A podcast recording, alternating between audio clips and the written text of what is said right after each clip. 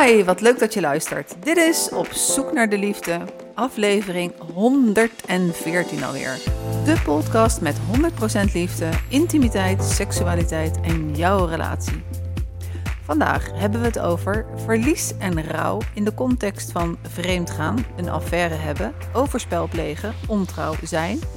En ik heb het erover met bereavement counselor Leoniek van der Marel. Een hele mond vol, hè? Zeker, welkom, welkom Leoniek. Dankjewel Annette, wat leuk. Wat leuk. Wij, zijn, wij komen elkaar nu voor de derde keer in de podcast tegen. De eerste keer hebben we het gehad over eh, samengestelde gezinnen. En heb je heel veel verteld over jouw eh privé-situatie in jouw samengestelde gezin. De tweede keer hebben we het gehad over, eh, over de schipaanpak. Samen met eh, je collega, medeoprichter hiervan, eh, Tineke Rodenburg. En nu de derde keer. En dan gaan we het hebben over specifiek het stukje verlies en rouw in het hele vreemdgaan verhaal. Nou, zeker. En daar speelt wat verlies. En daar speelt wat verlies. En ik vind het echt leuk, want je bent de eerste die ik drie keer ontmoet in, in, in, de, in de podcast. Vandaar ook het kleine aardigheidje van net. Ehm, je zegt het al, ehm, daar speelt wat. Maar voordat we daar naartoe gaan, de woorden vreemdgaan, affaire, overspel, ontrouw... eh, die eh, geven bij heel veel mensen eh, kriebels of dat de haren recht overeind staan... Hoe zit jij met die woorden? Wat, wat vind je akelige woorden en ja, waar heb jij het over in die context? Nou, wat er bij mij gebeurt is dat ik ze hard vind en ik vind er zit meteen een oordeel op. En dat oordeel heb ik misschien ook zelf, dat wil ik ook heel eerlijk in zijn, maar dat is wel wat er gebeurt. En dat is natuurlijk ook omdat we vaak niet verder kijken, en daar gaan wij het gelukkig vandaag wel over hebben, maar we kijken vaak niet verder van hoe heeft dit dan kunnen ontstaan? En dan wordt degene die misschien ontrouw is, uh, die wordt dan veroordeeld. En dat voelt voor mij niet fijn. Dan geven we, doen we geen recht aan het hele verhaal. Mm-hmm. En uh, hoe zou je het wel omschrijven? Oei. Ja, dat is een lastige, hè? Ja, dat vind ik heel lastig. Ja, ik, ik denk zelf altijd, kijk, er gebeuren dingen in de relatie. Nee, dan ga ik eromheen kletsen. Ik zou het zo snel niet weten, Annette. Nee, heb jij een idee zelf? Nee, ik heb ook geen idee. Nee. Nee, ik moest er laatst wel over nadenken. Ik weet, dat was in een hele andere context. Dat ik dacht van ja, wat is dat eigenlijk voor een woord? Vreemd gaan. Wat zeggen we dan eigenlijk dat iemand vreemd gaat? Wat is het dan? Dat betekent dus dat je met een vreemde. Ja, dus daar moest ik wel laatst over nadenken. Ja, ja je, je, gaat, je betrekt een vreemde in, in de relatie. Ja. ja dus ja. Dat, dat stukje. Maar voor sommige dingen zijn dan ook net geen woorden. Net zoals uh, we hebben het daar net over gehad. Afgelopen zondag was dan de verjaardag van de vader van mijn kinderen. Ik ben weduwe geworden na de scheiding. Uh, ben je dan weduwe ja of nee? Daar is sowieso ook geen woord voor. Nee, dat klopt. Nee, net zo goed als dat er geen woord is voor als je weduwe bent en weer opnieuw getrouwd bent. Ik noem mezelf altijd ex-weduwe. Nou, daar word ik ook nog wel eens, hoor ik daar nog wel eens wat over. Hoe kan dat nou? Maar ja, dat is ook geen woord, ja. Nee, klopt. En dan moet je het ergens in een formuliertje invullen. Uh, en, en, wat ben je dan uiteindelijk? Ja, precies. En, en zeker met dat stukje van, uh, ben, ik, was ik nou weduwe, ben ik nou weduwe ja of nee? Daar is geen woord voor en dan gebeurt er iets met het gevoel. Dat dat dan ook uh, moeilijker te plaatsen is. In ieder geval minder begrip van andere mensen. Want je bent toch al gescheiden. Dus ja, hoe kan je daar dan nog verdrietig om zijn? En al die dingen. En ik merk dat bij, um, bij vreemdgaan, affaire, overspel, ontrouw... misschien is het zachtste woord zoals het um, omschreven wordt affaire. Ja, dat, toen jij dat zei, dacht ik dat ook. Die voelt nog het beste. Maar het is natuurlijk ook, ik denk ook als er iemand die vreemd gaat, wordt ook gezien als een vreemdganger. Nou, hoe hard is dat? Die man, die man of vrouw krijgt niet eens meer de kans om zich uit te leggen. Dus die zit al in de hoek. En ik denk ook dat dat de reden is dat heel veel mensen niet in therapie willen, uit angst dat ze weer in die hoek gezet worden. Dus dit, ja, je, je zit al ergens, je moet al in de verdediging. Ja, precies. Alles wat je zegt is, is vanuit dat stukje verdediging. En het zit natuurlijk ook heel erg in, in de hoek van, uh, of in, in, in de taboesfeer. Ja, zeker. Um, en uh, ook met, met het stukje schaamte. Ja. Hè, van, uh, ja, als het, als het uitkomt, dan, dan verandert de wereld. Als het, als, zolang het niet uitkomt, ehm, is het nog wel te handelen. Ja. Maar als het uitkomt, dan, dan, dan verandert, verandert het hele, de hele bril hoe je er naar kijkt. Ja, In feite, dat is wel wat ik merk. Ja. En dan, en dat heb ik ook wel gelezen, dan verandert ook de hele affaire. Want de affaire heeft ook zijn, zijn uitdagingen bij het bestaan van dat het buiten de relatie plaatsvindt. En als dan opeens de, je, je, je thuisrelatie, laten we het zomaar noemen, ervan weet, dan wordt het ook veel minder spannend. En dan opeens komt ook dat in een ander daglicht te staan. Ja, en, en dan krijg je bijna een taboe op een taboe. Want uh, er, er is in Nederland in ieder geval ook weinig, mm, tenminste dat is wat ik merk in de praktijk, mijn, weinig vergeving. Uh, nee, laat ik het zo zeggen. Er zit een taboe op als je zegt, uh, mijn partner is, ja, laten we dan toch maar het woord even gebruiken, mijn partner is, is vreemd gegaan. Maar we houden van elkaar en we gaan de weg zoeken hoe we hier doorheen komen. Hè? Dus dan heb je een taboe op, op dat je uh, dat je toch doorgaat met elkaar. Ja. En dat je het uh, probeert, uh, de een probeert de ander te vergeven. Dat lijkt nog wel nog erger dan. is natuurlijk ook waarom er zo'n groot oordeel op zit. Ehm, in de zin van. Ja, als mijn partner zegt van. ik ben vreemd gegaan. Ja, oké, daar is het gat van de deur. Als je dat gaat als je dat ooit doet, dan stop ik ogenblikkelijk de relatie. Ik heb, ik heb zeg maar vandaag, uh, wat is het vandaag, 24 november, blijf ik zeggen van nou, ik, zou niet, echt niet staan te juichen als het gebeurt. Maar ik hoop dat ik uh, alles in me heb om, te, om, om rustig te blijven en te kijken van, en wat is hier nou eigenlijk aan de hand? Wat is er gebeurd? Hoe heeft het kunnen ontstaan? En dat ik niet direct zeg van, en daar is het gat van de deur. Hm. En ik hoop dat mijn partner, als die dat van plan zou zijn, al veel eerder aan de bel trekt en zegt: Hé hey Leonie, luister eens. Ik merk dat ik uh, vaak aan die vrouw denk. Wij moeten het eens een keertje praten, wij moeten het eens ergens over hebben. Want ik denk nog steeds, helaas, als ik achter zou komen dat mijn partner vreemd zou gaan en ik zou er zelf achter komen, dus dit ook nog een verschil, komt hij daarmee of kom ik erachter, dan is het voor mij over. En waarom? Omdat voor mij vertrouwen een heel groot ding is. En ik geloof dat ik hem nooit meer zou kunnen vertrouwen. Dat heeft alles met mijn manier van hechten te maken, waar ik vandaan kom. Maar dat zou, nou, ik denk echt niet dat dat meer te repareren is. En dan kan je maar beter meteen zeggen, nou, dan stoppen we ermee.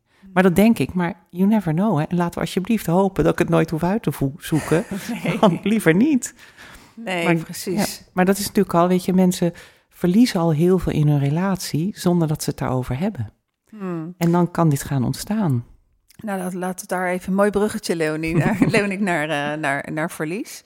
want je, je zegt al terecht van, uh, de, los van even nog terug naar het stukje van, er is een moment uh, voordat iemand vreemd gaat, waarbij je het gevoel hebt van, hé, hey, deze meneer of deze mevrouw, die vind ik wel heel erg aardig. En daar denk ik vaker aan. Ga je dat dan bespreken of ga je dat niet bespreken? Ja. En dat is een cruciaal moment. En, en het zou ideaal zijn en dat vind ik ook, dat, dat ik dat ook hoop dat ik uh, dat mijn partner dat doet. Maar nog uh, wat ik nog meer hoop van mezelf, waar ik nu wel van overtuigd ben, maar ik weet, ik weet, ik kan nog niet uit ervaring spreken, dat ik op dat moment zelf de euvele moed heb om het te gaan zeggen. Ja. Los van mijn angst voor afwijzing, los van de angst om de ander te kwetsen, maar dat ik zelf de ballen heb om dan te zeggen van, hé, uh, hey, laten we even zeggen, meneer X, Ehm, ik merk dat ik gevoelens heb. En ehm, dat betekent iets. Ik wil daar niks mee. Uh, maar ik wil het je wel nu op dit moment uh, vertellen. Ja. Dat lijkt me ook een lastig om dat te gaan vertellen. Ja, precies. Hè? Dat is, maar jij geeft eigenlijk een codewoord aan, de angst voor afwijzing. En uh, wij, wij, hebben in de schipaanpak ook een spreuk, het, het vermijden van het conflict staat de oplossing in de weg en draagt het verlies in zich. Mensen zijn conflictvermijders, tenminste heel veel mensen, juist uit angst voor afwijzing, uit angst dat iemand zegt, dan vertrek je maar, dan zoek je het maar uit. Ja, en dan gaat het door en dan hoop je dat het vanzelf overgaat en het gaat niet over en het wordt alleen maar interessanter en je wordt bewierookt en die ander vindt je super en noem maar op. En dan voordat je het weet, glij je af in een buitenechtelijke affaire. Mm Dan gaan we weer terug naar wat je net zei, hè? van uh, verlies wat in de relatie al heeft plaatsgevonden. Los van dat er, dat er in de situatie van overspel of, of affaire, dat er uh, meestal drie mensen betrokken zijn. Hè? Dus twee die in de relatie zitten en een derde die erbij komt. En dat het interessant is om straks te kijken vanuit de verschillende posities wat voor een verlies en wat voor een rouw daar kan zijn en kan komen. Het verlies wat in de relatie is en waar men zich niet van bewust is. Kan je daar iets over vertellen? Ja, ik denk dat die al heel gauw in een relatie kunnen ontstaan. Dat kan in hele kleine dingetjes zitten, dat jouw partner iets doet wat jij nooit verwacht had. En dan, dan verlies je ook een, een beeld van je partner. Het is misschien maar een klein deel, maar wij zijn daar helemaal niet mee bezig. We denken, oh, oh is die zo? Hm, Oké, nou dat had ik nooit geweten. Maar er is dan al een heel klein verliesmomentje en we kunnen natuurlijk de grotere verliesmomenten al wat beter aanwijzen. En dat is, hoe jammer het ook klinkt, als de kinderen geboren worden. Waar we toch heel vaak zien dat het leven van het gezin in het teken van de kinderen gaat staan en de relatie vaak vergeten wordt.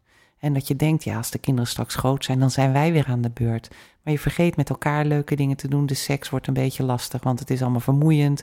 En je bent moe en je wil slapen. En je komt niet meer tot elkaar, je verbindt niet meer met elkaar. En daar, dat zijn hele grote verliezen. Ja, en zo kunnen er verschillende verliezen, die heel klein zijn, passeren zonder dat je het in de gaten hebt. Dus ik zou ook iedereen willen aansporen. Ga eens reflecteren op je eigen relatie. En waar ben jij dingen verloren in de relatie die je niet eens in de gaten had? Misschien alleen al zeggenschap over de kleur die de muur moet krijgen. Dat jij een partner hebt die daar heel bepalend in is. Weet je mijn partner zei een keer van ja, Leoniek, jij wil altijd alles beslissen. En dacht ik, is dat zo? Jeetje, wat ben ik blij dat hij dit zegt, daar moet ik over nadenken. Weet je, want dat wil je niet. Je wil niet de ander het gevoel geven dat, dat hij dat niet meer kan, want dat is dan een verlies. Want dan verlies je autonomie. Mhm. En autonoom zijn in je relatie is het allerbelangrijkste. Ja, dus uh, ik, ik, merk het ook vaak in de praktijk van dat uh, ouders met jonge kinderen, uh, als ze dan naar een stukje verlies kijken, Ehm, dat ze zeggen, ja, we zijn eigenlijk alleen nog maar een bedrijf rond, rondom de kinderen. Ja, ja en dat agendabeheer. Ja, en, en dat uh, van het ene kind moet naar de peuterspeelzaal en het andere kind moet naar de school. Uh, hoe komen ze daar op tijd? En uh, aan het einde van de dag uitgeteld moe op de bank. en dan vaak ook wel in deze tijd dat de kinderen toch nog wel tussen papa en mama inslapen in bed. Ja, ik denk dan altijd, hoe doe je dat? Maar dat denk ik ook met hele kleine kindjes. Denk, oké, heb je dan seks dat dat kind daar gewoon in dat bedje ligt? Zou ik dat nog kunnen? Weet je wel? Dat, ja. ja, en, en dan is het de, uh, inderdaad het verlies van uh, elkaar als liefdespartners en uh, een ontmoeting van elkaar als, als ouders. Ja. Maar dat is best wel een grote periode, waar dan eigenlijk een min, min, min, min, min op de liefdesrelatie komt te staan. Ja, nou, je gemiddeld gaan, de, gaan vrouwen als ze 45 zijn uit elkaar en mannen 47. Dus dat is precies in die periode dat je, dat je topdrukte hebt in je gezin. En zie dan maar eens de kans. Maar dat, nou ja, goed, zie dan maar eens die kans. Die kans is er wel, maar je hebt het zelf niet in de gaten. Dus iemand moet jou zeggen van, hé, hey, doen jullie nog wel wat samen? Nee, je hebt helemaal geen tijd voor. Ga er eens tijd voor maken, want je raakt elkaar kwijt. Nee, ik niet. Maar voordat je het weet gebeurt het wel. Want de een, en dat zien we, dat is helaas nog wel ons traditionele huishouden in Nederland. De man werkt fulltime. De vrouw gaat parttime werken als de kinderen geboren zijn. Dat is gelukkig ook wel een verschuiving. Maar die man die heeft dus veel meer zijn leven buitenshuis, in dat bedrijf, waar die zit, waar die gewoon zijn ding doet, waar die al zijn energie uithaalt. En de vrouw doet dat in haar werk parttime en dan met de kinderen. En dan krijg je toch een verschuiving ook in de relatie. Want de kinderen worden voor de vrouw vaak belangrijker, terwijl voor de man het werk dan belangrijker wordt. En daarmee zeg ik niet dat mannen hun kinderen niet belangrijk vinden, absoluut niet. Maar ik denk iedereen die dit hoort, die herkent dit wel. Dat denk ik ook, ja. En uh, het, het, het, stuk verlies zit er natuurlijk ook in, in van, ja, in het begin als je iemand kent, dan ga je daten. Je hebt alle aandacht voor elkaar. En alle tijd. Alle tijd. En alle tijd, ja zeker. En dan komen de kinderen en dan kan het in sommige gevallen, gaan ze nog wel uit eten. Maar dan gaat het vooral over de kinderen. Om even rustig over de kinderen en over uh, dat soort dingen te praten zonder de kinderen erbij. Ja, precies. Ja. Dus je hebt het ook niet meer over elkaar. En, en hoe geïnteresseerd ben je nog in elkaars leven?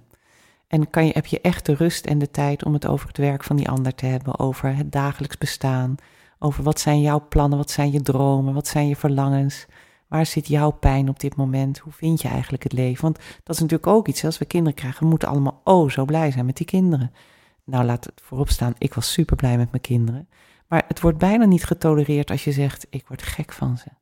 Ik zou wel eens een weekje weg willen. Ach, ik heb rust nodig. Ja, ja, zo gaat het als je kinderen hebt. Maar daar heb je het als partners ook niet meer over. En dat is dus de essentie zit hem in verbinden met elkaar. En verbinden doe je in kwetsbaarheid.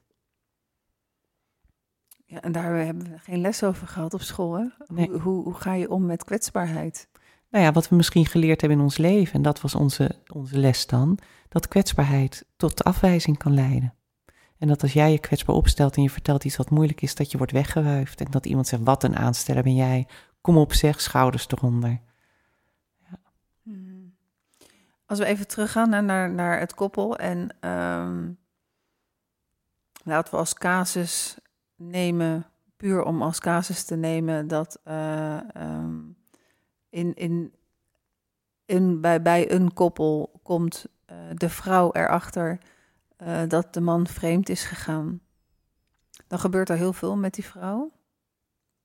Dus er loopt sowieso een, een, ja, een bepaalde periode achter eh, dat de man een, een, een dubbel leven leidde. Ehm, kan je wat vertellen over eh, het verlies en over het proces van het brein wat, eh, wat de vrouw dan doormaakt? Mhm.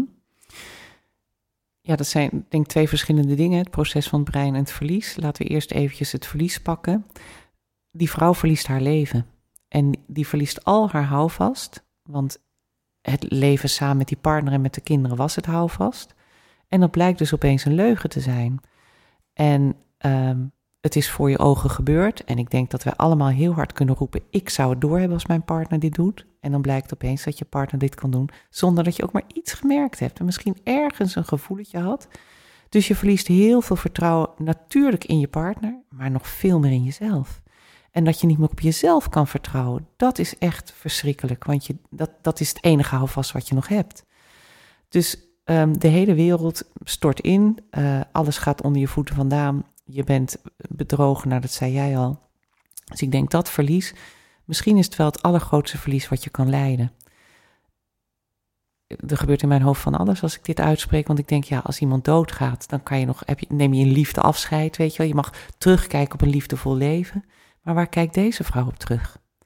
Was het leven wel zo liefdevol? Dit was er eentje, hoe lang is het al gaande? Heeft hij er meer gehad? Wat heb ik nog meer niet geweten, waarvan ik dacht dat wij het goed hadden? Dus er komen ook heel veel vragen op. Dus nou, je, je, je verliest alle grond, alle grond van bestaan. Nog los van dat je ook je zelfbeeld verliest. Want kennelijk was jij dus niet leuk genoeg. En was je niet sexy genoeg. En had je misschien ook geen goede seks. En deed je, deed je het allemaal niet meer goed. En noem maar op, weet je. Dus waar ga je in, nou, ik zou bijna zeggen in godsnaam weer, jezelf opbouwen? Dat lukt bijna niet meer. Dus dat verlies is heel groot, dus dat is de ene kant.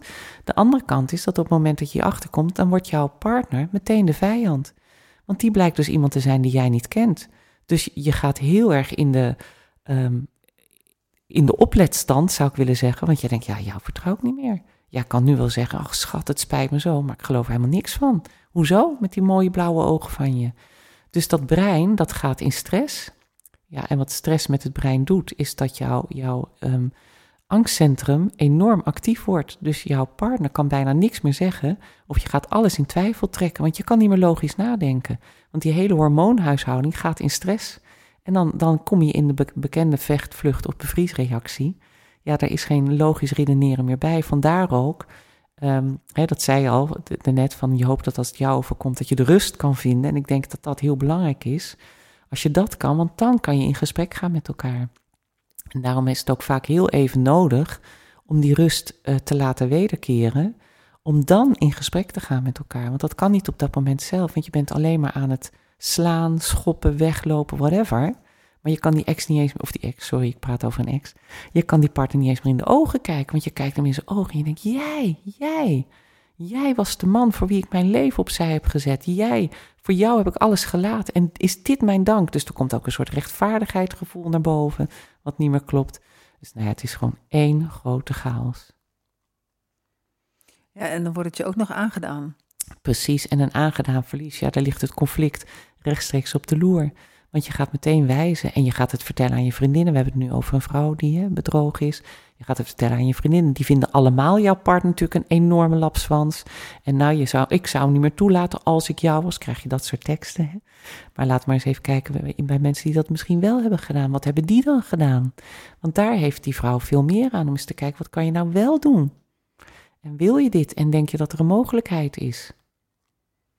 En die is er. Ik bedoel, uh, gelukkig wel. Gelukkig Ja. kan een, een relatiecrisis Ja. ook een, uh, een heel mooi cadeau in een foeilelijke verpakking zijn. Ja, mooi gezegd. Um, mooi gezegd. maar um, daar moet wel wat, uh, wat, wat aan gedaan worden. Ja. En, maar dit, dit verlies is enorm. Ja. En ik denk dat we allemaal wel iemand in onze omgeving hebben die dit een keer hebben meegemaakt. Dat daarom uh, ja, ook de reacties zo heftig zijn. En dat Ja. daarom ook, uh, ja, uh, als het in, in, in een bepaalde familie speelt, uh, alle reacties en iedereen er zich zo erbij betrokken voelt. Zeker als er kinderen in het spel zijn. Um, in, in, in die zin van, het, het is natuurlijk uiteindelijk het is een relatietrauma die in, in onze casus de vrouw oploopt. En in zekere mate denk ik ook de partner. Absoluut. En het is voor ja. beide een, een, een trauma.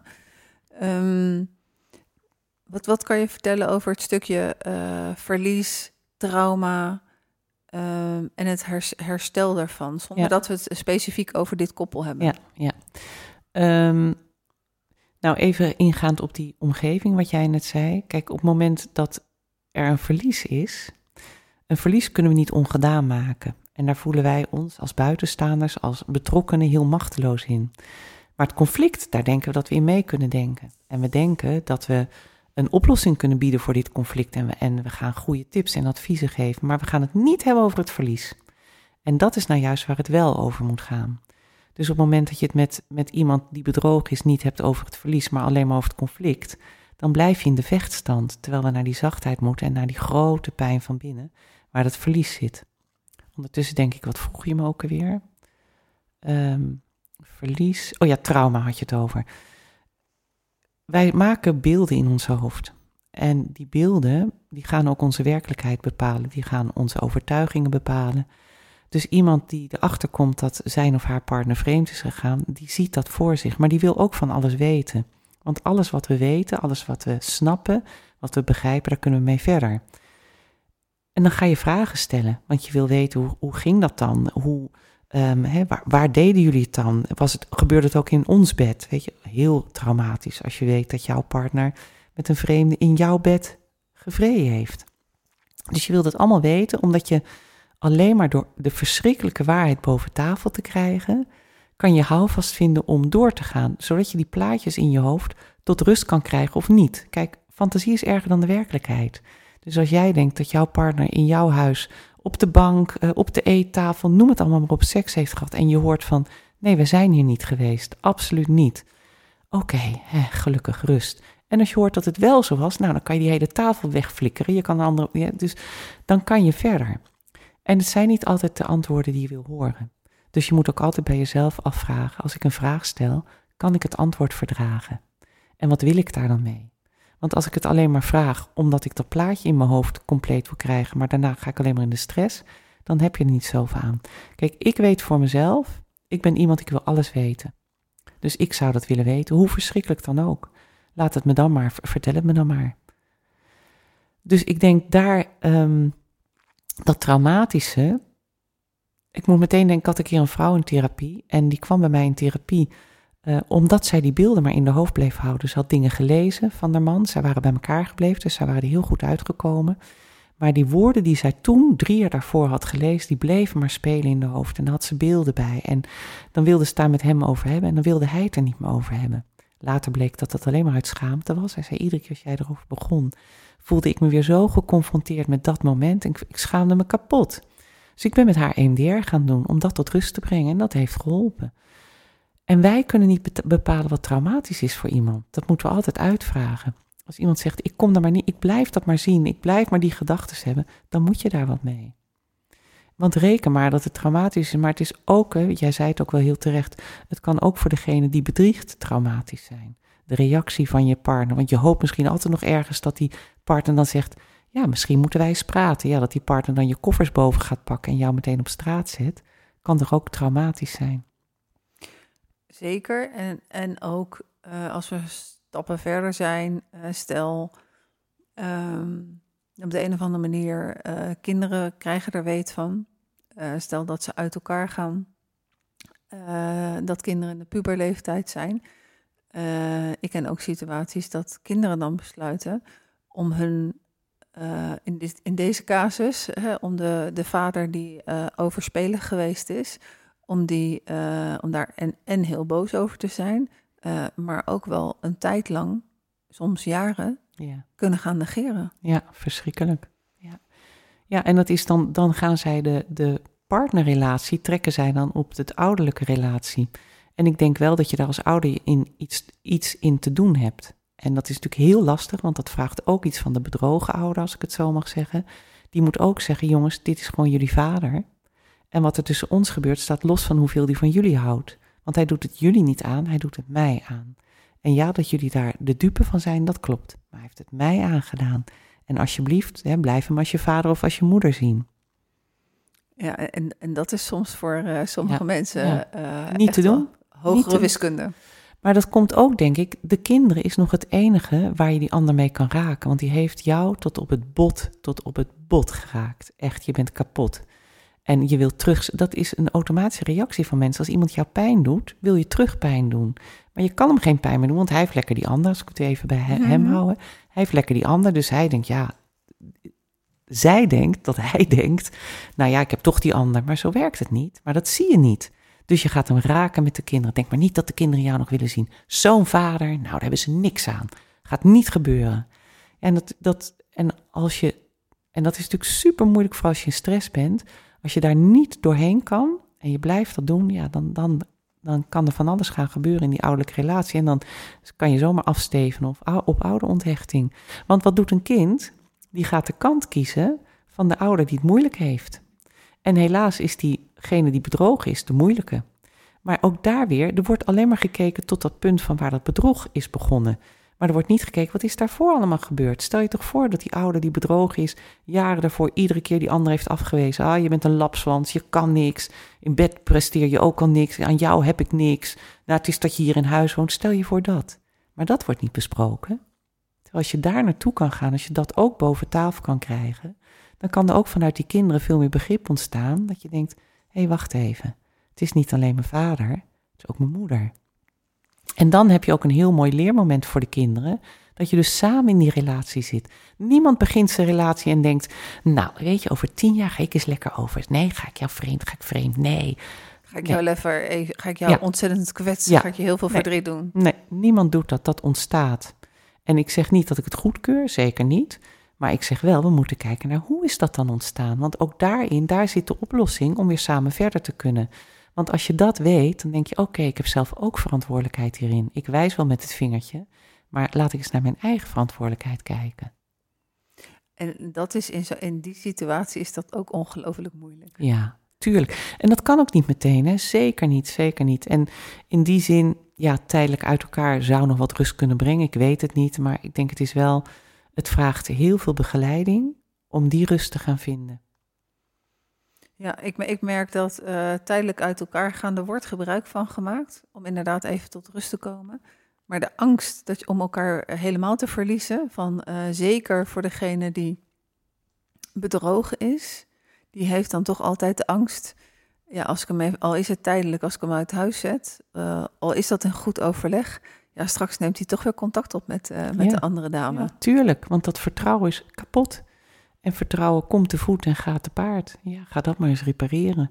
Dan moet je van goede huizen komen, wil jij weer blijken of, of bewijzen dat je wel trouw bent. Ja, dat kan ook niet zomaar. Dus dat, ik snap dat. dat en en daar, dat is ook, daarom is het ook heel moeilijk om die doorstart te maken. Want stel dat je die doorstart maakt en stel dat je niet goed alles hebt afgehecht wat daar gebeurd is van tevoren dan gaat die, gaat die partner gaat jou controleren. Ja, logisch. Die denkt ook, nou, ik ga eens even op die app kijken waar die vandaag weer zit.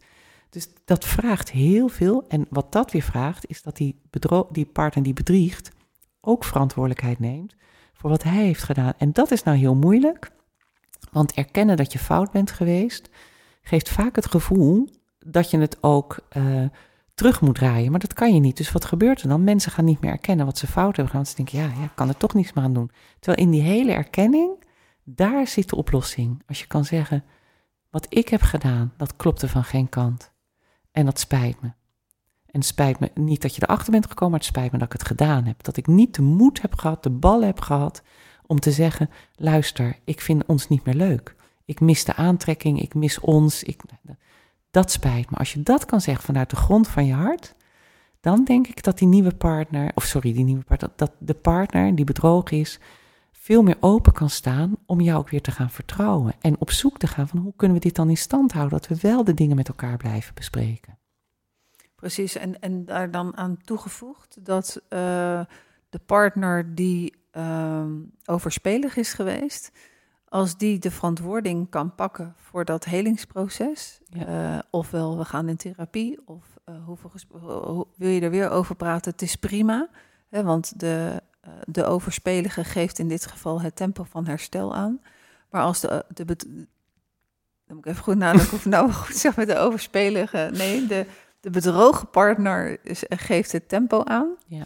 En als de overspelige partner op de een of andere manier verantwoordelijkheid pakt voor het proces, uh, als echt alles op tafel ligt, dat het niet is dat er gefaseerd steeds meer van de waarheid boven water komt. Precies. En als uh, de nieuwe afspraken die gemaakt worden, bijvoorbeeld uh, stel dat uh, de vrouw in dit geval zegt van nou maar als, uh, als die vriendin, die vrouw of de woorden die er dan aangegeven worden contact opneemt, ik wil het weten. Als de partner dat dan doet, dan kan er weer een beetje gebouwd worden aan het stukje vertrouwen. Zeker, zeker. Ja, en dat, dat is dus die vrouw. De, want ja, we gaan het nu heel ingewikkeld maken. We hadden ze beter namen kunnen geven, misschien. Ja. um, op het moment dat de bedrogen partner van haar partner hoort. Um, ja, ze heeft weer contact gezocht, maar ik heb geappt, ik heb gezegd dat ik dat niet wil dan ga je vertrouwen krijgen. Niet alleen maar de goede dingen vertellen, ook de minder goede dingen vertellen. Of zelfs als jouw partner zegt: Ja, weet je, nou zat ik gisteravond op de bank hier en ik dacht toch, ja, ik had het eigenlijk ook wel heel erg leuk met die ander. Verschrikkelijk om te horen, maar er is wel openheid. En wat jij zei, hè, die, die doos van Pandora, die moet in één keer open. En er zijn ook therapieën voor dat je echt ook op een gegeven moment een brief aan elkaar moet schrijven en je alles zegt wat er gebeurd is. Want die, die heelmeester, die zachte heelmeester, die maakt stinkende wonden. En die, die bedrogen partner blijft maar wachten op, jeetje, wat gaat er dadelijk weer komen? Is dit nu alles? Ja, nee, je weet nu echt alles. Ja, dan komt over twee weken, komt er weer wat uit die hoge hoed. Dat is niet te doen. Dat is ook niet goed voor het vertrouwen. Niet goed voor het vertrouwen, nee. En dat vertrouwen, dat vraagt heel veel tijd. En ja, degene die bedrogen heeft, zal daar wat meer werk in te verrichten hebben dan degene die bedrogen is. En dat is dan een onderdeel van het herstelproces. Maar dat begint er allemaal mee met dat degene die bedriegt ook dit ook echt wil. En ook zegt, ik had dit nooit mogen doen. Dit, wij hebben zo'n mooi leven samen. Wat what was I thinking? Weet je wel? Dat, maar het is, het is ook niks menselijks is ons vreemd. Dat je natuurlijk ook ja, verleid kan worden door verleidingen van buitenaf. precies, precies. En uh, ik zat ook ineens te denken... Uh, wat ik ook ken uit ervaring, is het stukje, dat ook een ingewikkeld stukje rouw en verlies, is dat, uh, nou in, geval, in dit geval van, uh, van de dame en de heer, ze besluiten om te onderzoeken of ze samen kunnen, of ze samen verder kunnen. dat zal in 99,9 van alle gevallen betekenen dat de man in onze, onze casus afscheid zal nemen van, uh, van de derde persoon. Afscheid nemen van de derde persoon betekent ook verlies en rouw. Een heel ingewikkelde, want daar mag je helemaal niks van laten zien. Ja. Nou ja, kijk, dat is heel mooi dat je dat eraan toevoegt. Want dat is dus wel onderdeel dat die persoon dat ook moet mogen laten zien aan zijn partner. Hoe verschrikkelijk moeilijk dat is om daar afscheid van te nemen. Want als hij, als hij in dit geval, dat verborgen moet houden, dan krijg je alsnog een verborgen leven. Nee hoor, nee, ik denk nooit aan haar. En die vrouw die voelt van, nou, volgens mij zit je nu echt met je gedachten bij haar. Dan kan niet maar beter, ja, ik vind dat ook moeilijk. Want zij, en daar gaat het ook weer om, als die partner kan aangeven wat heeft die, die derde hem gebracht, dan kan de bedrogen partner bedenken, wacht even, dus dat heb ik kennelijk laten liggen. Dus daar heb ik ook werk in te doen. Dus ik denk inderdaad dat rouw en verlies, en dat is ook vaak waarom het zo moeilijk is om die relatietherapie in te gaan, omdat je keihard moet breken met die derde. En ik krijg wel eens stellen bij mij in de praktijk, en dan blijkt die derde toch nog daarbuiten te spelen. Ik zeg, dat kan gewoon niet. Ik weet nog, ik had een keer een stel, En die werkten ook met elkaar. Dus niet het stel, maar de, de, de man die bedroog. De man en, de derde. En de derde. En ik zei, oké, ja, maar nee, we spreken elkaar alleen maar even in de pauze. En waar heb je het dan over? Nou, gewoon hoe het gaat thuis en zo. Ik zeg, dan staat zij er nog steeds tussen. En dat moet stoppen. En als je echt je relatie wil redden, dan zal het misschien moeten betekenen dat je een andere baan moet zoeken. Maar dat is de, dat is de inzet die jij moet tonen om dit te kunnen doen. Want je, die ander blijft verleidelijk. Weet je, die eerste twee jaar ben je verliefd. Je zei al, je hebt alle tijd voor elkaar waar je het vandaan haalt. Ik denk ook nog wel, waar haalde ik het vandaan toen ik met mijn nieuwe partner ging, met alles wat ik deed, maar het kon. Dus dat, je bent in twee jaar, de eerste twee jaar, ben je gewoon in een tunnelvisie. Je bent verliefd. Je, daar kan je geen afscheid van nemen, want dat is een heerlijk gevoel. En dat is ook een superleuke versie van jezelf. Absoluut. Je komt, dat, komt dat allemaal weer tegen van vroeger, dat je dat weer allemaal mocht voelen. Dus dat is, je doet iets heel contra-intuïtiefs. Je gaat jezelf namelijk pijn doen. En wat je ervoor gaat winnen is nog niet helemaal duidelijk. Want wat je wint is ruzie met je huidige partner. Ruzies die je nu moet gaan oplossen. Dus dat alternatief is veel aantrekkelijker. Maar je vergeet, en dat weten we allemaal, dat als je eenmaal met die ander door zou gaan, dat je daar ook het dopje van de tandpasta erop moet doen. En dat je ook de wc-bril omhoog of omlaag of whatever moet doen. Maar je denkt, nee, dit is fantastisch. Dus het alternatief, die ruzie in de partner, het is, er is niet zoveel reden om datgene wat jou zo blij maakt, om dat los te laten. Dan moet je ook als uh, bedriegende partner, jeetje, wat een nare woorden gebruiken we eigenlijk, maar moet je dus ook van hele goede huizen komen, heel sterk in je schoenen staan. Je zegt, nee, ik ga voor mijn gezin.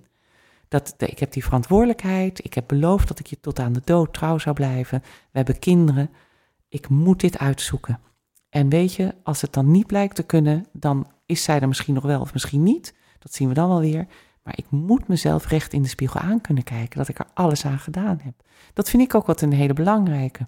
Ik krijg ook veel mensen die dan bij me komen en zeggen, ja, ik wil scheiden. En dan zeg ik, wat heb je allemaal gedaan daaraan? En dan in mijn ogen, mijn ogen, denk ik niet genoeg, want de relatietherapie is dan niet gestart. Dan zeg ik altijd, weet je wat het ellende is? Jij denkt nu dat dit een goede beslissing is. Maar over anderhalf jaar, als je in, in, in de pijn zit, dan kijk je jezelf in de spiegel aan en denk je, wat heb ik gedaan? Dus je moet zorgen dat je altijd jezelf in de spiegel aan kunt kijken. Dat je zegt, we hebben het doorgewerkt. Het was er niet meer, het was er echt niet meer. We hebben alles geprobeerd. Het ging niet meer. Dat is heel belangrijk. Maar goed, dus inderdaad, die partner die bedriegt, die heeft zelf ook heel veel rouw en verlies. En dan is dus ook weer, als je daar goede begeleiding bij hebt, dat dat er mag zijn, dan heeft dat opening. Want dan nogmaals, de bedrogen partner is niet leuk om te horen, maar je weet wel waar je partner mee bezig is. En dat is wat je wil. Je wil weer in elkaars hoofd kunnen kijken. Want dat, dat bleek dus gewoon dat daar een leven zich afspeelde waar jij niks van af wist. En dan uh, precies dat stukje waar zij van als er contact is, als het een collega is. Uh, en je hebt het over hoe is de situatie thuis. En je deelt daar hoe de situatie thuis is. En dan is dat al een bepaalde vorm van intimiteit. Ja. Uh, waardoor, uh, waardoor je het, de, je situatie niet beter maakt. Nee, precies. Ik heb een keer een stel gehad en die kwam bij mijn relatietherapie. En zij had heel veel gesprekken met een mannelijke collega. En dat deed ze tot diep in de nacht. En er gebeurde echt niks op seksgebied. En voor haar man pleegde ze overspel. Hij vond dat zo erg dat, dat zij intieme dingen met die ander besprak. En dat is precies wat je zegt. Dat is intimiteit. En daar kan je ook samen afspraken over maken. Hè? Wat, wat bespreek je wel met anderen, wat je niet thuis bespreekt. Maar inderdaad, juist als je het dan ook eens een keertje doet met iemand met wie jouw partner seks heeft gehad. Die dan ook nog een keer gaat vertellen hoe het thuis gaat. En jij weet heus wat die partner niet gaat zeggen. Oh, ik heb het weer hartstikke leuk met mevrouw. Ja, dat is heel bedreigend. Ja. En daar valt niet tegen op te boksen. Nee, dat, het, is, uh, het is echt een uitdagende situatie. Ja. Heel ingewikkeld, maar gelukkig merk ik ook wel dat als mensen er doorheen komen, dat ze echt een relatie 2.0 kunnen hebben. Dat ja. ze alles, ze zijn eigenlijk weer, ook weer teruggegaan naar de tekentafel Ja. en hebben alle verlies meegenomen van wat er was. Laten we nog even naar de derde gaan. Ja. Uh, dat vind ik uh, altijd. Uh, ik, ik, ben het ook geweest, de derde. Ik denk er nu veel bewuster en veel meer over na dan dat ik het toen uh, deed. vanuit het volgen van het verliefde gevoel en de liefde. maar als derde loop je, denk ik, ongelooflijk veel risico op het stuk verlies en rouw. wat je heel slecht weg eh, wegkrijgt of, of dat dat weggenomen wordt, dat je er niet goed over kan praten. Hangt natuurlijk heel erg af van of je als derde ook een relatie hebt.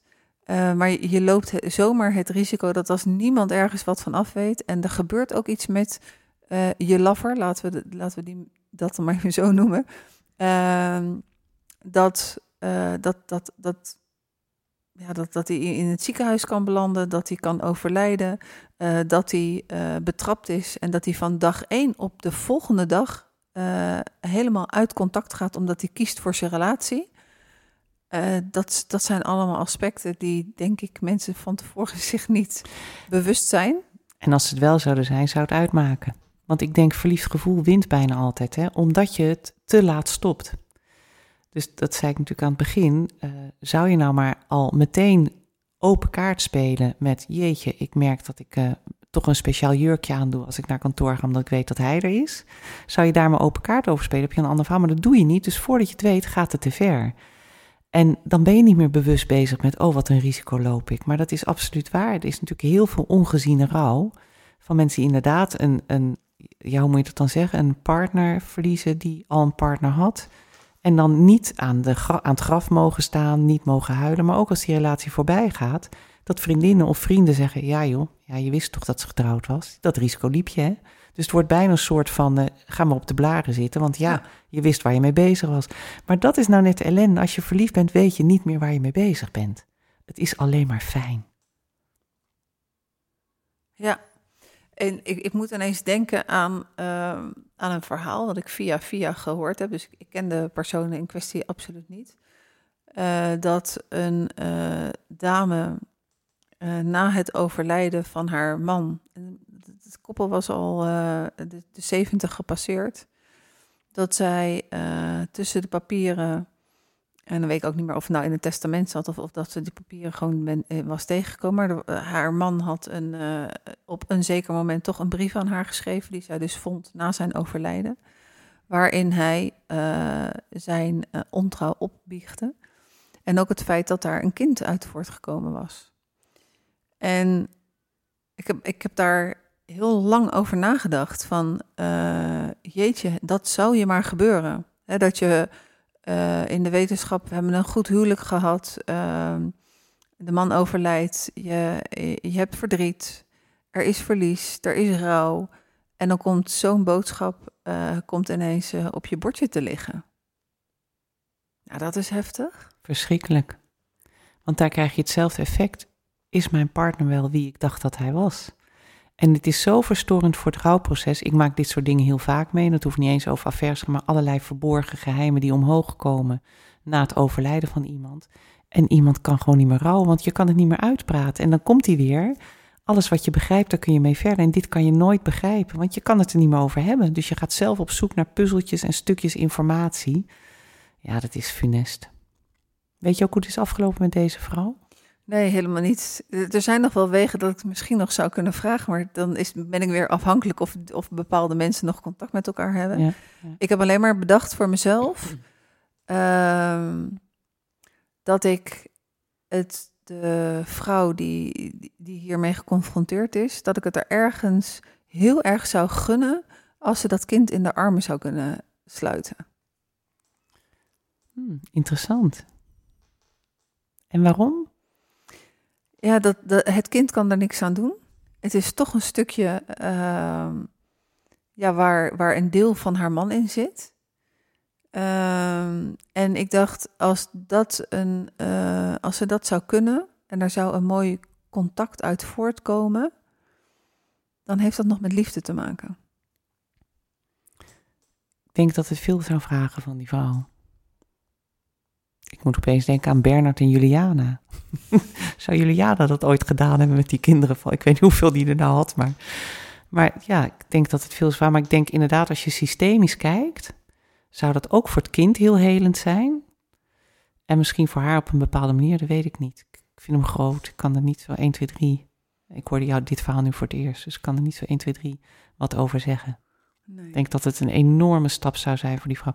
Want natuurlijk snapt ze ook wel dat dat kind er niks aan kan doen. Maar ze ziet dat kind en ze denkt, oké, okay, hoe ziet die moeder dan uit? En hoezo dan? En wanneer dan? Dus dat, dat ja, heel als je het dan over trauma hebt. Dat is echt wel een groot trauma. Ja, ik, ik zou misschien zelf ook nog inderdaad op onderzoek uitgaan in eerste instantie om die vrouw te zoeken en, en uh, mijn vragen aan te stellen. Niet op een uh, vijandige manier, maar vanuit uh, nieuwsgierigheid van goh, wat, wat, wat, wat is hier dan eigenlijk allemaal gebeurd wat ik niet in de gaten heb gehad. Ja, ik heb ook wel eens mensen in therapie gehad die hadden een relatie met iemand die overleden is. Die hadden gewoon een heel gezin met die partner. En dan gaat die partner dood. Ja, sta je dan hè, in je uppie. Niks geregeld, want ja, die had, hij had zijn eigen, hij had een ander gezin. Die heeft gewoon een heel gezin ernaast gesticht. En dan denk ik, nou, dat gebeurt bij mij in de praktijk. Denk dat er veel meer van dit soort verhalen zijn. En dat maakt het ook heel spannend, hè? Want ik denk dat maakt het ook voor jou en mij heel spannend. Voor iedereen die dit hoort. Dat je denkt, oei, zou mijn partner ook? Ik bedoel, ik, ik kan wel denken, nou, mijn Hans het is een fantastische, trouwe, loyale man. Maar dat dachten al die vrouwen misschien wel. En andersom ook, weet je, want we hebben het nu over mannen, maar dit, dit gebeurt vrouwen bijna net zo vaak als mannen. Hè? Maar daar, kennelijk horen we daar minder van of zo. Ik weet niet precies hoe dat nou is. Weet jij dat, hoe dat zit? Nee, ik, ik moet een beetje lachen, want ik denk dat uh, wij vrouwen op de een of andere manier, uh, wij kunnen goed organiseren, waardoor je en thuis je, je kinderen uh, goed kan opvoeden en een baan daarnaast kan hebben. Ik denk dat dit in dat rijtje uh, dat je het reisje door kan trekken. Dat wij gewoon al erg goed kunnen organiseren, waardoor we minder snel ontdekt worden en, en uh, minder snel. Ja, dat mannen dan toch daar iets, nog na, iets naïver in zijn. Nou, tijd dus voor een goed gesprek voor iedereen thuis die nu luistert. Ga de vraag maar stellen aan je partner. Ja. Heb je wel eens gevoelens gehad dat je dacht, hmm, dat gaat toch net iets te ver? Ja, en uh, wat, wat gaan we hierover afspreken? Als, we, als je daar iets over af wil spreken. Ik heb wel, uh, volgende week ga ik een podcast opnemen uh, met een dame en zij is uh, privédetective. Oh, interessant. En, en in haar praktijk komt het natuurlijk ook regelmatig voor dat ze ingehuurd wordt om iemand te schaduwen. waarvan ze zei, het korte telefoongesprek wat we gehad hebben, wat er dan speelt is dat ook als iemand niks op zijn kerfstok heeft zitten, dat we het achteraf altijd moeten melden dat we iemand geschaduwd hebben. Dus dat risico neem je, dat als okay. je, je partner niet vertrouwt. Ik heb ook wel eens gedacht van, nou, als ik het niet zou vertrouwen, dan zou ik er iemand gewoon inhuren om ja. het te achterhalen. Maar als er dus niks, uh, niks te vinden is, dan wordt het wel meegedeeld. We hebben u geachter, of, uh, achterhaald ja. en we hebben alle uh, stappen gevolgd. in opdracht van. Oh, dat is ook wel fijn, want dat, dat voorkomt wel dat je dat zomaar in gaat zetten. Uh, omdat je denkt, nou, ik zou het wel eens even willen weten. Ja, bijzonder. Ja. Maar ook wel mooi, denk ik. Ook voor rust. En ja, misschien komt er wel wat uit, maar dan weet je het ook maar weer. Precies, hè? Mm. Uh, eens even teruggaan van, nou, als uh, mensen dit luisteren, om het gesprek aan te gaan. Mm -hmm. En net wat jij zei, van toen we het gesprek begonnen, van ik hoop dat mijn, mijn man het tegen mij zou zeggen van, nou, ik, ehm, ik heb iemand ontmoet uh, in zijn geval zou hij dan niet een leuk jurkje aandoen. Maar, maar uh, daar, daar ben ik, uh, ik, ik voel dat ik daar toe, toegankelijk voor ben. Ehm, dat is precies, denk ik, wat nodig is om het ook te voorkomen. Ja. Dat je met elkaar op een dusdanige manier omgaat. En dan kom ik ook weer terug op mijn eigen woorden, dat ik de ballen he zou hebben. En dat ik de ballen heb straks, als dat misschien ooit um, op mijn bordje komt, maar dat ik zal zeggen van hé, hey, uh, ik, ik, ik merk ja, dat, ik, dat ik een bepaald gevoel erbij heb als ik die en die collega of buurman ja. of wat dan ook, als ik die ontmoet. En dan is het om te kijken, uh, waar we het ook al eerder over hadden, van uh, wat zijn we dan tot op dat moment allemaal verloren binnen de relatie? Ja, zeker. Ja. Ja, en jij zegt dat en ik denk, nou, ik zou, ik zou ook hopen dat ik de ballen zou hebben. Dat als ik mijn man heel regelmatig over een vrouwelijke collega hoor praten, dat ik durf te zeggen: hé, hey, luister eens, je hebt het nu heel veel daarover en je hebt mooie gesprekken met haar. Is er meer aan de hand? Wat gebeurt hier? Ik hoop dat ik die ballen zou hebben. ik weet het niet, maar dat zou wel heel mooi zijn. Maar inderdaad, kijk, even um, niet mijzelf als voorbeeld nemen, maar je, we zitten hier zo te praten. En ik dacht, ik heb geen enkele, ik heb nooit een twinkeltje in mijn hart als ik een andere man zie. Omdat ik gewoon een hele fijne relatie heb. En Um, ja, tuurlijk, wij zijn elkaars tweede partners. Dat ik, ik weet niet of dat allemaal uitmaakt, maar we zijn ondertussen ook al 16 jaar bij elkaar. Ik heb nooit de behoefte aan een andere man. Dus op het moment dat ik dat wel zou hebben, dan is er dus kennelijk iets verloren gegaan. En wat is dat dan? En dat kan voor iedereen weer anders zijn. Voor de een gaat dat misschien om aandacht.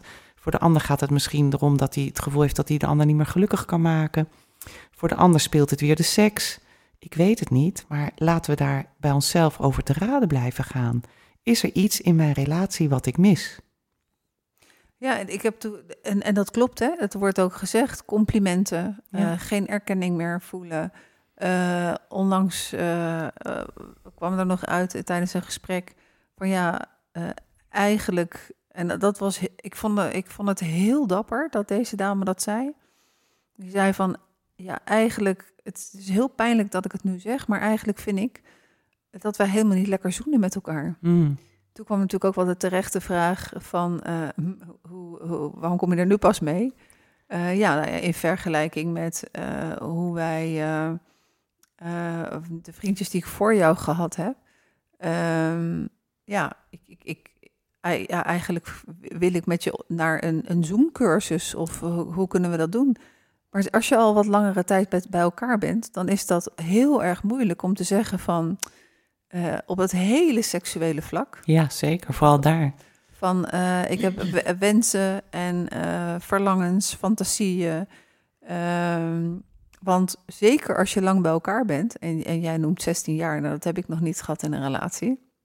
Dus dat, in mijn ogen is dat al heel erg lang. Als je lang bij elkaar bent, en dan is nog lang een relatief begrip, maar stel dat je zegt van je, je komt die eerste zeven jaar door. En hoe hou je dan die seksuele relatie eh, naar ieders tevredenheid goed? Ja, Want als je maar blijft doen wat je in het begin deed en er zit geen ontwikkeling in, dan merk ik, ja, laat ik het ook, ook zeggen, ik, ik schrik wel als ik hoor van mensen hoe ontevreden zijn over hun seksuele relatie en hoe weinig ze daar of helemaal niet over gesproken hebben en hoe verbaasd ze dan kunnen zijn als er een ander oppopt. ja, precies. En ik denk, hey, als we altijd maar blijven doen wat we in het begin doen, maar ik denk juist dat de crux is dat we in het begin heel veel doen. Dan willen we van alles met elkaar ontdekken. En op een gegeven moment sluipt de sleur erin. Nou, even snel, weet je wel, want dan kunnen we weer slapen. en dat is juist dat je niet meer doet wat je in het begin deed. En dat je het ook niet meer, dat je het niet meer spannend maakt voor elkaar. Want de, ja, zo gaat dat. Dus dan is juist die spanning, die is ook zo belangrijk. Want seks is hartstikke belangrijk in een relatie. Maar we, ik weet niet hoe jij dat ervaart, maar ik ervaar heel vaak dat we nu in een tijd leven dat je, nee, je moet nooit seks hebben als je geen zin hebt. Nee, natuurlijk niet. Je moet het niet tegen je zin doen. Maar als je alle twee op de bank gaat zitten wachten tot je beide tegelijkertijd zin hebt. En nou is het over, dan ga ik een beetje chargeren, doe ik heel voorzichtig. Maar ik zou bijna kunnen zeggen, misschien hebben mannen wel altijd zin en vrouwen wat minder. Ik doe heel voorzichtig, hè. dus die zouden misschien altijd wel te porren zijn. Maar als je wacht tot je zin hebt, dan gaat het niet gebeuren. Je moet ook zin maken. Je moet er ook iets voor doen, weet je. En daar kunnen beide partners wat in doen. Maar juist dat wat je in het begin, daar hoeft hij helemaal niks te doen. Want je, je zag elkaar en och, je had al helemaal zin. En nee hoor, je sprong al bovenop elkaar. Ja, dat verdwijnt. Want dat is ook die, die erotiek, die is er niet meer. En dat hoeft ook niet. Er komt iets anders voor in de plaats. En dat is ook vaak waar het misgaat, dat mensen dan denken...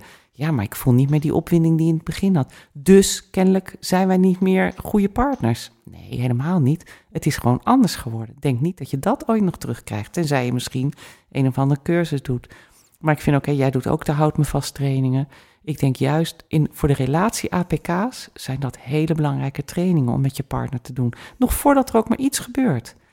Gun het jezelf dat. Maak je relatie dusdanig belangrijk dat je bij wijze van spreken iedere vijf jaar zegt: dan gaan wij weer zo'n weekend doen met z'n tweeën. Ja, helemaal eens. Ja. Ja. Ik zat net ook nog wat te denken, maar dan ben ik weer eh eventjes kwijt. Ik zat zo naar je te luisteren, was het helemaal vergeten. Ehm, ik denk ook niet dat ik er eh, op nog dat ik daar dat ik dat nog ga terugvinden in mijn hersenen. Ehm, maar als we het nu zo over hebben, over, eh, over de affaire, over eh, een overspelige partner en een bedrogen partner en een derde, dan komt daar toch wel ongelooflijk veel verlies en rouw ehm, bij kijken. Ja, zeker. Ja. En rouw is een reactie op verlies. Hè? Dus dat, dat even voor de mensen die dan denken: wat is dan het verschil tussen verlies en rouw? We hebben eigenlijk het woord rouw niet zo gebruikt. Maar rouw is gewoon iedere reactie op een verlies. En die kan in vele facetten zich uiten. Dat kan in boosheid naar buiten komen, dat kan in traan, dat kan in paniek, dat kan in koffers smijten. Hè? Dat, dat is rouw. Dat is de reactie die je hebt op een verlies. En ja, er komt heel veel verlies bij kijken. ja, ik, ik, het komt een zin in mijn hoofd op. Ik ga maar gewoon uitspreken. Ik denk, ja, misschien is wel over het algemeen een relatie sowieso verlies. En niet omdat je zelf, ja, misschien verlies je jezelf ook wel een stukje, maar omdat je in de relatie verliest. Dat hoort er nou eenmaal bij. Je kan niet doen wat je in je eentje deed. Je zult dingen van jezelf op moeten geven, omdat je samen iets anders ervoor terugkrijgt. Dus ja, je verliest dingen, maar je krijgt ook dingen voor terug. En als je het daarover kan hebben, en Esther Kluwer heeft heel veel onderzoek gedaan en die zegt ook echt, het gaat om autonomie en verbinding. Je moet dus jezelf kunnen blijven en je moet kunnen verbinden. Dus je moet niet denken, oh, nou mag ik nooit meer uh, uh, iedere avond met mijn sok op de bank springen. Nee, dan om zeg maar, je... Om maar eens wat te noemen. Om maar, ja, ik weet ook niet hoe ik erop kom. Maar, maar dat je denkt, oké, dat doe ik niet, want dat vindt hij niet fijn. En dat is niet, oh, wat verschrikkelijk dat ik dat nou niet meer kan. Nee, dat is gewoon iets wat wij nu gewoon anders doen. Dus het is ook maar net hoe belangrijk maakt iemand zichzelf, weet je wel. En ik denk dat dat wel anders is dan vroeger. Dus, en vroeger, dan heb ik het echt nog over mijn opa en oma en ik ben 60. Dus nou, dan kunnen, kan de luisteraar meteen bedenken hoeveel jaar geleden. Maar vroeger deden we dat veel meer vanzelfsprekend. We gingen voor elkaar. En nu gaan we voor ons eigen geluk. En daar speelt ook heel veel verlies in. Ja, ik ben dat verloren, ik vind dat ik daar recht op heb. Nee, je bent een commitment aangegaan. En dan verlies je dingen. Ja, en zo zijn er inderdaad mensen, uh, ook in mijn vriendinnenkring, die dan kiezen om bewust alleen te zijn. Ja.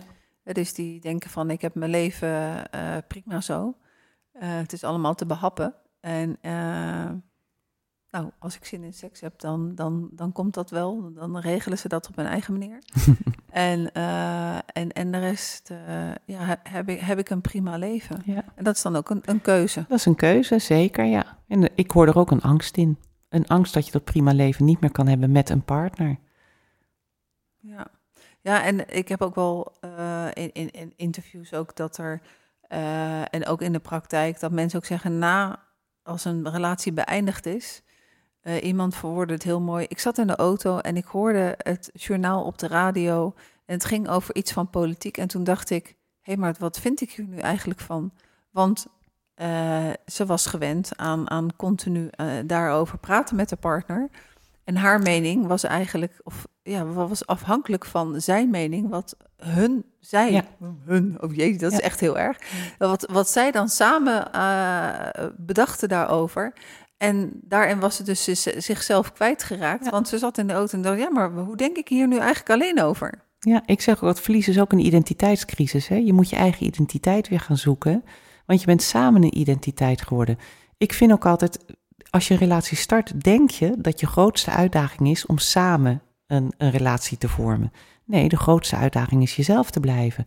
Je eigen meningen te kunnen blijven verwoorden, ook al zit jouw partner er anders in. Je eigen dingen te kunnen blijven doen, mits dat niet de relaties gaat. Ook al zegt jouw partner misschien, ja, ik vind het niet zo leuk dat je nu weer weggaat. Maar dan, dan krijgen wij, nou, oh ja, nee, laat ik dat maar niet meer doen. Heel veel mensen komen bij mij om die reden ook in de praktijk. Dat ze zeggen, ja, maar wie ben ik nog? Waar ben ik? Ik ben nergens meer. Ik doe alleen maar wat zij wil. Ik probeer haar gelukkig te maken en het lukt niet meer. Dus juist jezelf blijven erin. En dan, als je dus dat verlies plaatsvindt, dan moet je eigen identiteit weer gaan zoeken. Dus het is ook onthechten. Daar komen denk ik ook veel ruzies vandaan als mensen wel uit elkaar gaan. Omdat je ook onthecht, weet je. Je moet ook weer loskomen om jezelf weer terug te vinden. Want je moet ook die mening van die ander denken. Nou ja, die vond altijd dat, eh, dat en dat. Nou, ik vind er eigenlijk niks van. Het is bijna een soort puberteit. Zo doen pubers het ook. Mm. En daarbij denk ik dat onthechten voor veel mensen makkelijker is naar aanleiding van een ruzie. Dat het makkelijker lijkt Ja. dan om uh, vanuit liefde te onthechten. Nou ja, dat is toch ook bijna niet te doen, denk ik dan. Toch? Mm -hmm. Het is wel te doen, maar uh, dat, dat, dat kost wel wat. Ja, dat kost zeker wel wat, ja. Ja. En dan zeker als je een aangedaan verlies hebt. Ja. Waar dat conflict zo op de loer ligt. Ik heb enorm veel respect voor mensen die, die dit meemaken, overspel in de relatie, die uit elkaar gaan. En die zeggen, maar weet je, wij gaan dit goed doen voor de kinderen. En die het dan ook werkelijk goed doen hè, voor de kinderen. Die hun eigen stuk zo op stij kunnen zetten. En dat is echt, het klinkt nu dat ik het, als ik het uitspreek, lijkt het alsof dat makkelijk kan. Maar zo werkt dat niet. Maar ik heb er ongelooflijk veel respect voor. Ja. En ik heb met terugwerkende kracht dan ook veel meer respect gekregen voor een bepaalde man in mijn leven, waarbij ik toen vreemd ging en we zijn ongelooflijk liefdevol uit elkaar gegaan. Ja, waanzinnig. Met een, uh, een, een heel mooi liefdevol weekend, waarvan ik daarna ook uh, gezegd heb van als mensen ons op het terrasje zouden hebben zien zitten, dan zouden ze gedacht hebben, Wat een waanzinnig verliefd paar is dat. Ja. En het, en wij wisten beiden dat dat op die manier en in die setting... dat dat het laatste, eh, het laatste eh, eh, etentje uit was, zeg maar. Ja, ja. Dus maar dusdanig was dat goed. Dat, en dat heeft wel heel erg geholpen bij de verwerking van die relatie. ja, dat denk ik ook, ja. Dus daar in die zin helpt het weer. Leoniek, we gaan zo langzamerhand naar, het, naar de afronding toe. En wat heb ik jou nog niet gevraagd waar je in de context van verlies, rouw, in het, de context van de affaire, wat ik je niet gevraagd heb waar je toch nog antwoord op zou willen geven?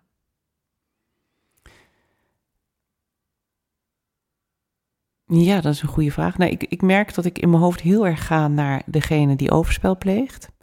En dat ik denk van, ik, daar hebben we denk ik ook wel genoeg over gehad, maar dat we hem of haar de vraag stellen, wat mist jij in de relatie? En jij trouwens, nu bedenk ik hem, want je hebt het heel even tussendoor gezegd, dat je op zoek bent naar je eigen leuke zelf. Hè? Esther Perel zegt dat ook altijd zo mooi.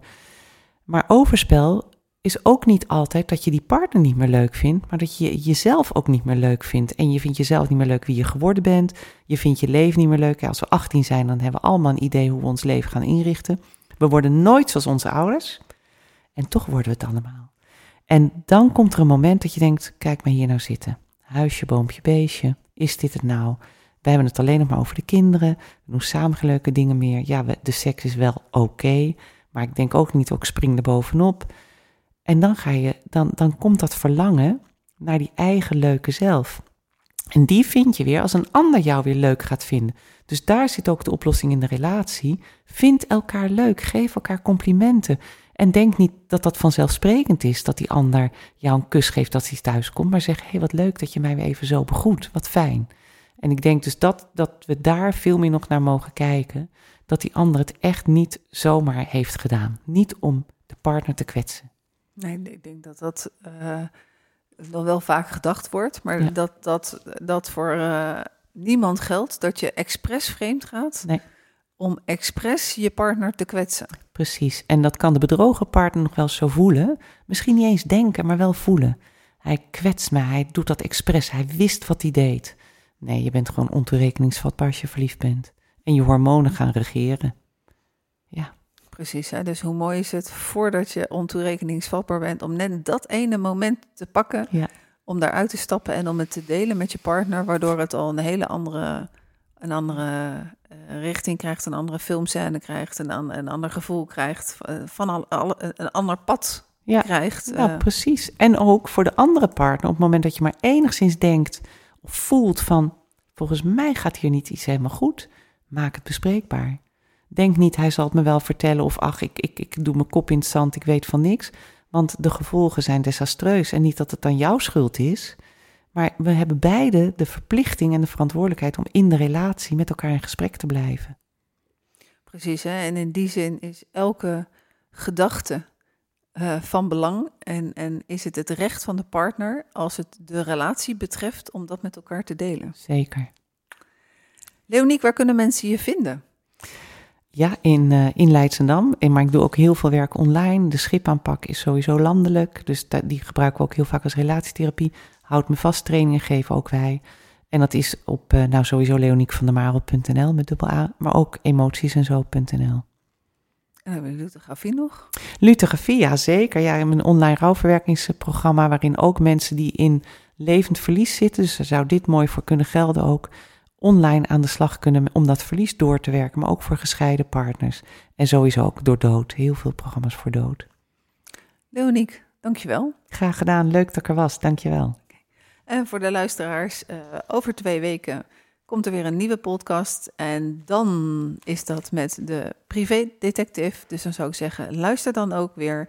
Ben jij degene die jouw partner droog heeft? En wil jij of mijn gratis e-book over dit onderwerp ontvangen? Of wil je aan de slag met jezelf over dit onderwerp? Waarom ga ik nou steeds vreemd? Neem dan contact met me op info at J-U-T-T-U of Google op Annette Burgers. En mijn telefoonnummer is 06 456 22 552. Voor vandaag hartelijk bedankt voor het luisteren.